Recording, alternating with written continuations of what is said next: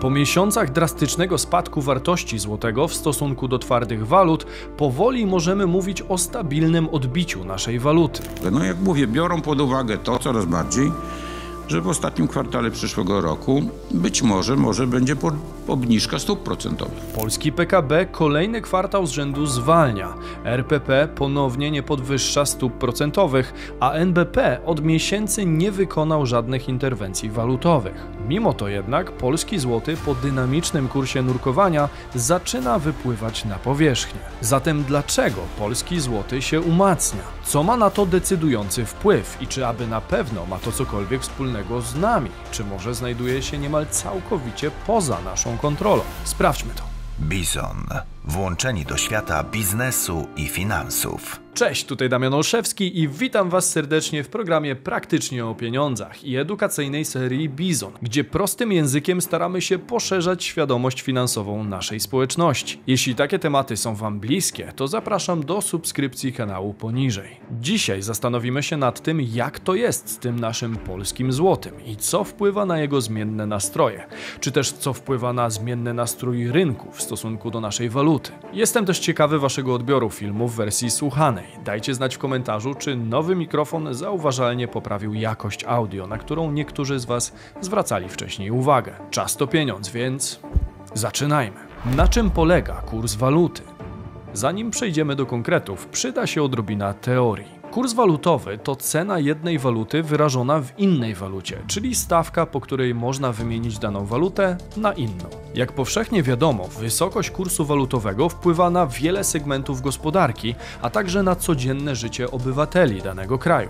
Dla przykładu, słabość złotego sprawiała, że przez ostatnie miesiące baryłka ropy, której cena wyrażona jest w dolarach, była dla nas droższa. Tym samym kruchość waluty stanowiła jeden z wielu czynników wpływających na poziom cen przy tankowaniu pojazdu. Oczywiście na ten dość kontrowersyjny aspekt naszych codziennych wydatków wpływa także wiele innych składowych, ale nie o tym jest dzisiejszy odcinek. W obecnych gospodarkach wyróżniamy kilka rodzajów systemów kursów walutowych. W skrócie mamy kurs sztywny, odgórnie ustalany i kontrolowany przez państwo, kurs płynny, czyli regulowany przez popyt i podaż na rynku, oraz kurs pośredni, którym można powiedzieć, że stara się łączyć obie szkoły, czyli rynkową swobodę z pewnymi ograniczeniami co do kształtowania się kursu. Polski złoty jest oczywiście walutą płynną, o której wycenie w dużej mierze decyduje rynek. Jednak nie można powiedzieć, aby jego kurs był całkowicie płynny z racji interwencji banku centralnego, który w razie dramatu wchodzi niejako pomiędzy walutę a rynek. W takiej sytuacji możemy mówić o podkategorii kursu płynnego, czyli kursie płynnym kontrolowanym, gdzie NBP tak jakby odgania towarzystwo, kiedy złoty za mocno obrywa.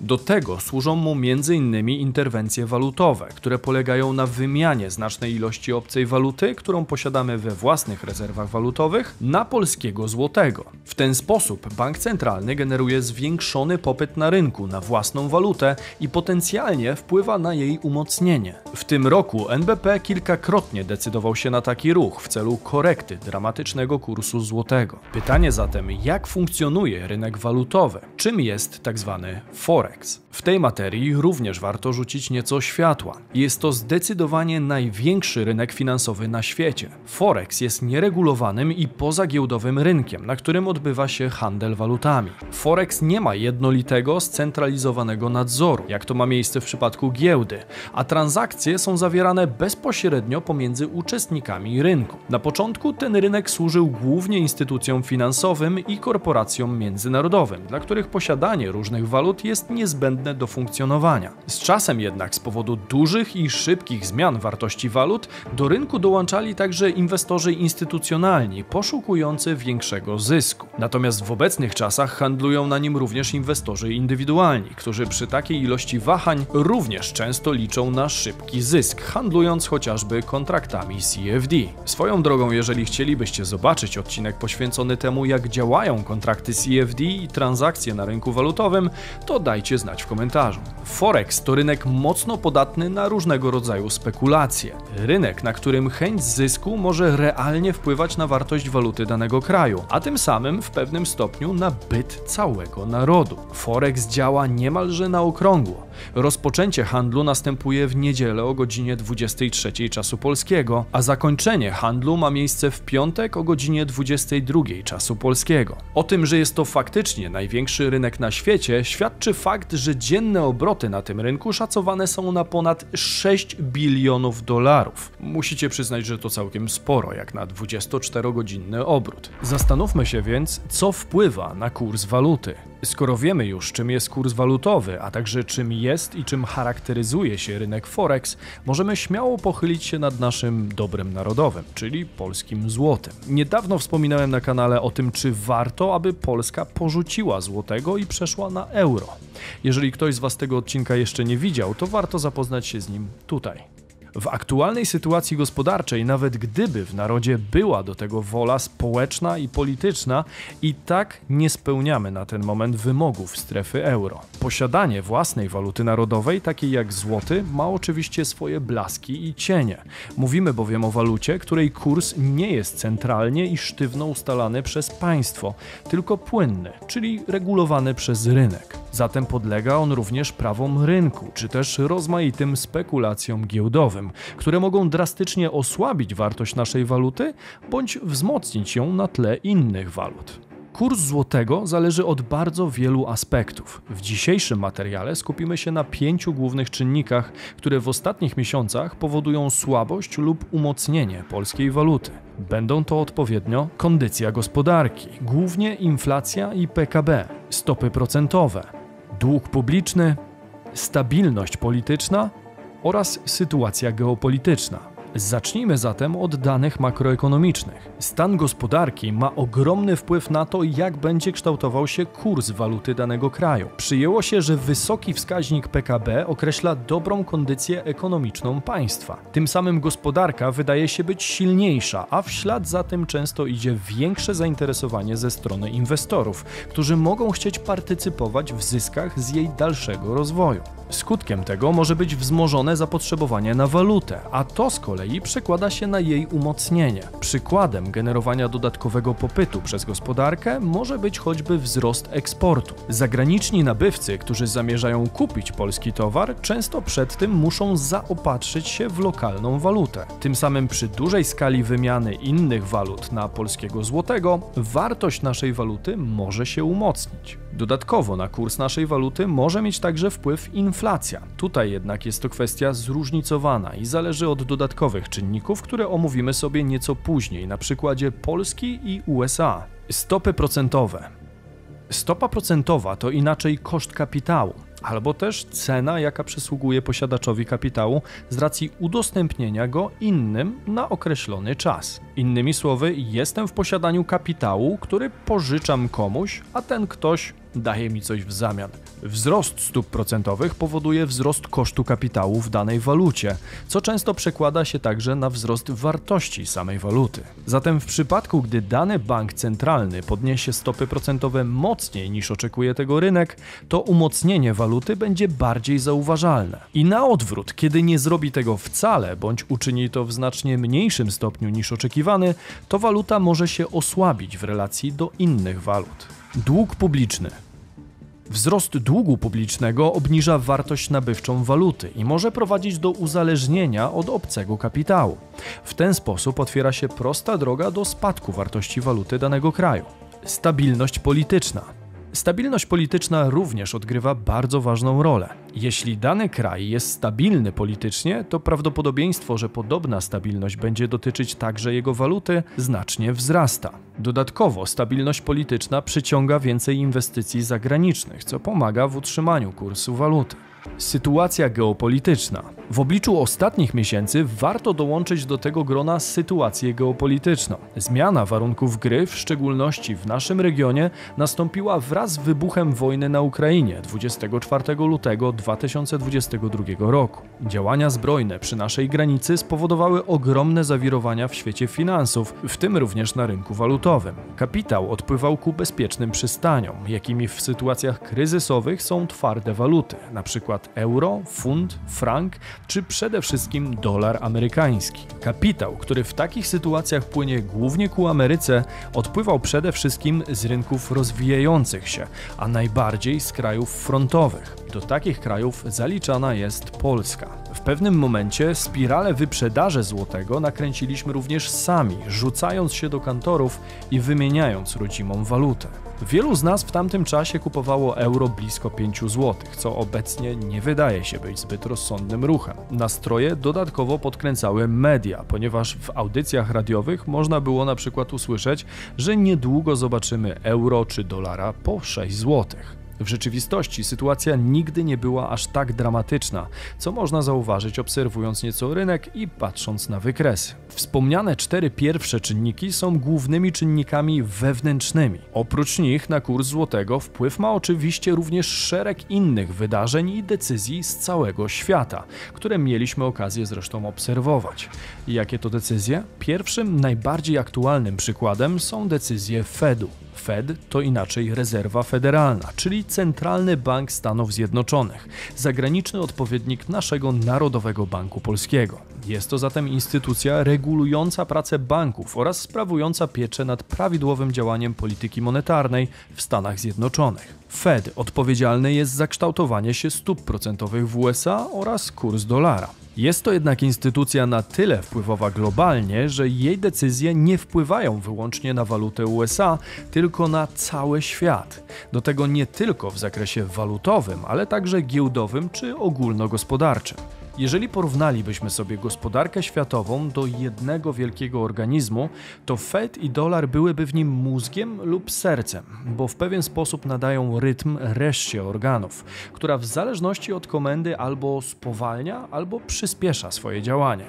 Tym samym Fed wpływa także na kurs złotego, podobnie zresztą jak decyzje Europejskiego Banku Centralnego. Dla przykładu, kiedy EBC podwyższy stopy procentowe silniej niż oczekuje tego rynek, to euro umocni się na rynkach, co będzie miało oczywiście przełożenie również na złotego, bo będziemy musieli zapłacić więcej za wspólnotową walutę. Spowoduje to wzrost cen dóbr i usług, na czym stracą importerzy. Każdy kij ma jednak dwa końce, również w ekonomii. W omawianej sytuacji zyskają natomiast eksporterzy, ponieważ eksportują to samo dobro za tyle samo euro, jednak jednak po przewalutowaniu będą mieli więcej pieniędzy w złotówkach. Warto również wspomnieć o tym, że na kurs pary walutowej z udziałem złotówki ma również wpływ sytuacja w tym drugim państwie. Analogicznie do naszej sytuacji. Dla przykładu, jeśli analizujemy koronę czeską do złotówki, to warto wziąć pod uwagę m.in. dane makroekonomiczne, stopy procentowe, dług publiczny oraz stabilność polityczną zarówno w Polsce, jak i w Republice Czeskiej. W przypadku pogorszenia się sytuacji u naszych południowych sąsiadów, korona czeska powinna stracić na wartości względem polskiego złotego. Wyposażeni w nieco więcej zrozumienia rynku walutowego, przejdźmy zatem do najważniejszego pytania. Dlaczego złoty się umocnił? W tej konkretnej kwestii musimy wyróżnić zarówno czynniki wewnętrzne, jak i przede wszystkim te zewnętrzne, które odgrywają tu kluczową rolę. Biorąc pod uwagę najnowsze wydarzenia i dane dostępne na dzień 8 grudnia, wpływ na umocnienie się złotego miały dane makroekonomiczne, a także sytuacja polityczna. Jeśli chodzi o dane makroekonomiczne, to warto wyróżnić to, że inflacja zaczęła nareszcie spadać. Wstępny odczyt CPI za listopad 2022 roku zaskoczył pozytywnie ekonomistów i wskazał poziom 17,4% wobec mediany prognoz na poziomie 17,9%, czyli tyle, ile inflacja wynosiła w październiku. Jeśli chodzi o politykę, to biorąc pod uwagę doniesienia medialne, Polska jest coraz bliżej otrzymania pieniędzy z KPO. Tak, tego mitycznego KPO. Komisja Europejska przyjęła już. Tak ustalenia operacyjne w sprawie polskiego KPO. Jak wyjaśnia Komisja Europejska w oświadczeniu wysłanym redakcji PAP, ustalenia Ustalenia operacyjne to umowa techniczna, która określa dowody potrzebne do wykazania, że osiągnięto różne etapy i cele pośrednie oraz w jaki sposób będzie wyglądała współpraca z każdym państwem członkowskim w celu monitorowania realizacji każdego KPO. Otrzymanie środków z KPO wpłynie na dalsze umocnienie złotego, przede wszystkim wobec euro. Umocnienia się złotego warto jednak upatrywać głównie w czynnikach zewnętrznych, do których należą dane makroekonomiczne w USA, osłabienie dolara, ustanowione i planowane decyzje Fed oraz kurs walutowy euro do dolara. To z kolei prowadzi nas do konkluzji, że to nie tyle złoty się umacnia, co sytuacja na świecie i w naszym regionie powoli się stabilizuje. Tak jak wspominałem wcześniej, kraj frontowy, jakim jest Polska, siłą rzeczy był mocno narażony na odpływ kapitału, zarówno z waluty, jak i z giełdy. Nikt o zdrowych zmysłach nie chce inwestować w miejscu, gdzie pieniądze można stracić, na przykład z powodu konfliktu zbrojnego. Zatem silniejszy złoty to zasługa zarówno czynników globalnych, jak i tych lokalnych. Dużą cegiełkę dołożył do tego Fed, który zapowiedział, że nie będzie już agresywnie podnosił stóp procentowych w Stanach. Wobec wygaszania takich oczekiwań ze strony rynku, dolar ponownie stracił na wartości, m.in. wobec złotego. Jak trafnie zauważa Rafał Sadoch, analityk biura maklerskiego M-Banku, perspektywy złotego pozostają mocno związane z dolarem.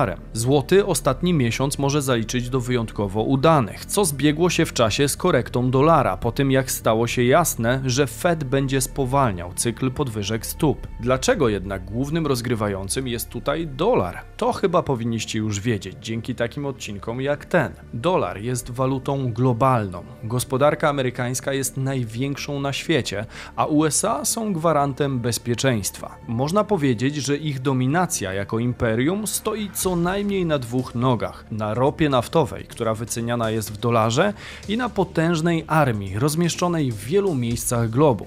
Dlatego wszystko to, co dzieje się w Stanach Zjednoczonych, ma przełożenie w zasadzie na cały świat, co mogliśmy zauważyć również podczas poprzedniego kryzysu finansowego. Dane makroekonomiczne w USA miały wpływ na umocnienie się polskiej waluty. Mowa tutaj ponownie głównie o inflacji. Jak podało Biuro Statystyki Pracy, w październiku inflacja CPI w USA obniżyła się do poziomu 7,7% wobec 8,2% odnotowanych we wrześniu, 8,3% w sierpniu i 8,5% w lipcu. Jest to rezultat znacznie poniżej rynkowego konsensusu, który przewidywał odczyt na poziomie 8%. Jak to wpływa na kurs waluty? Aby to zrozumieć, warto cofnąć się w czasie. Dolar amerykański umocnił się wcześniej m.in. poprzez podwyżki stóp procentowych, które są niczym innym jak kosztem pieniądza. Spadająca inflacja spowodowała to, że rynek wycenia niższą podwyżkę stóp procentowych w USA i szybsze zakończenie cyklu podwyżek. Jest to sygnał na rynku, że koszt dolara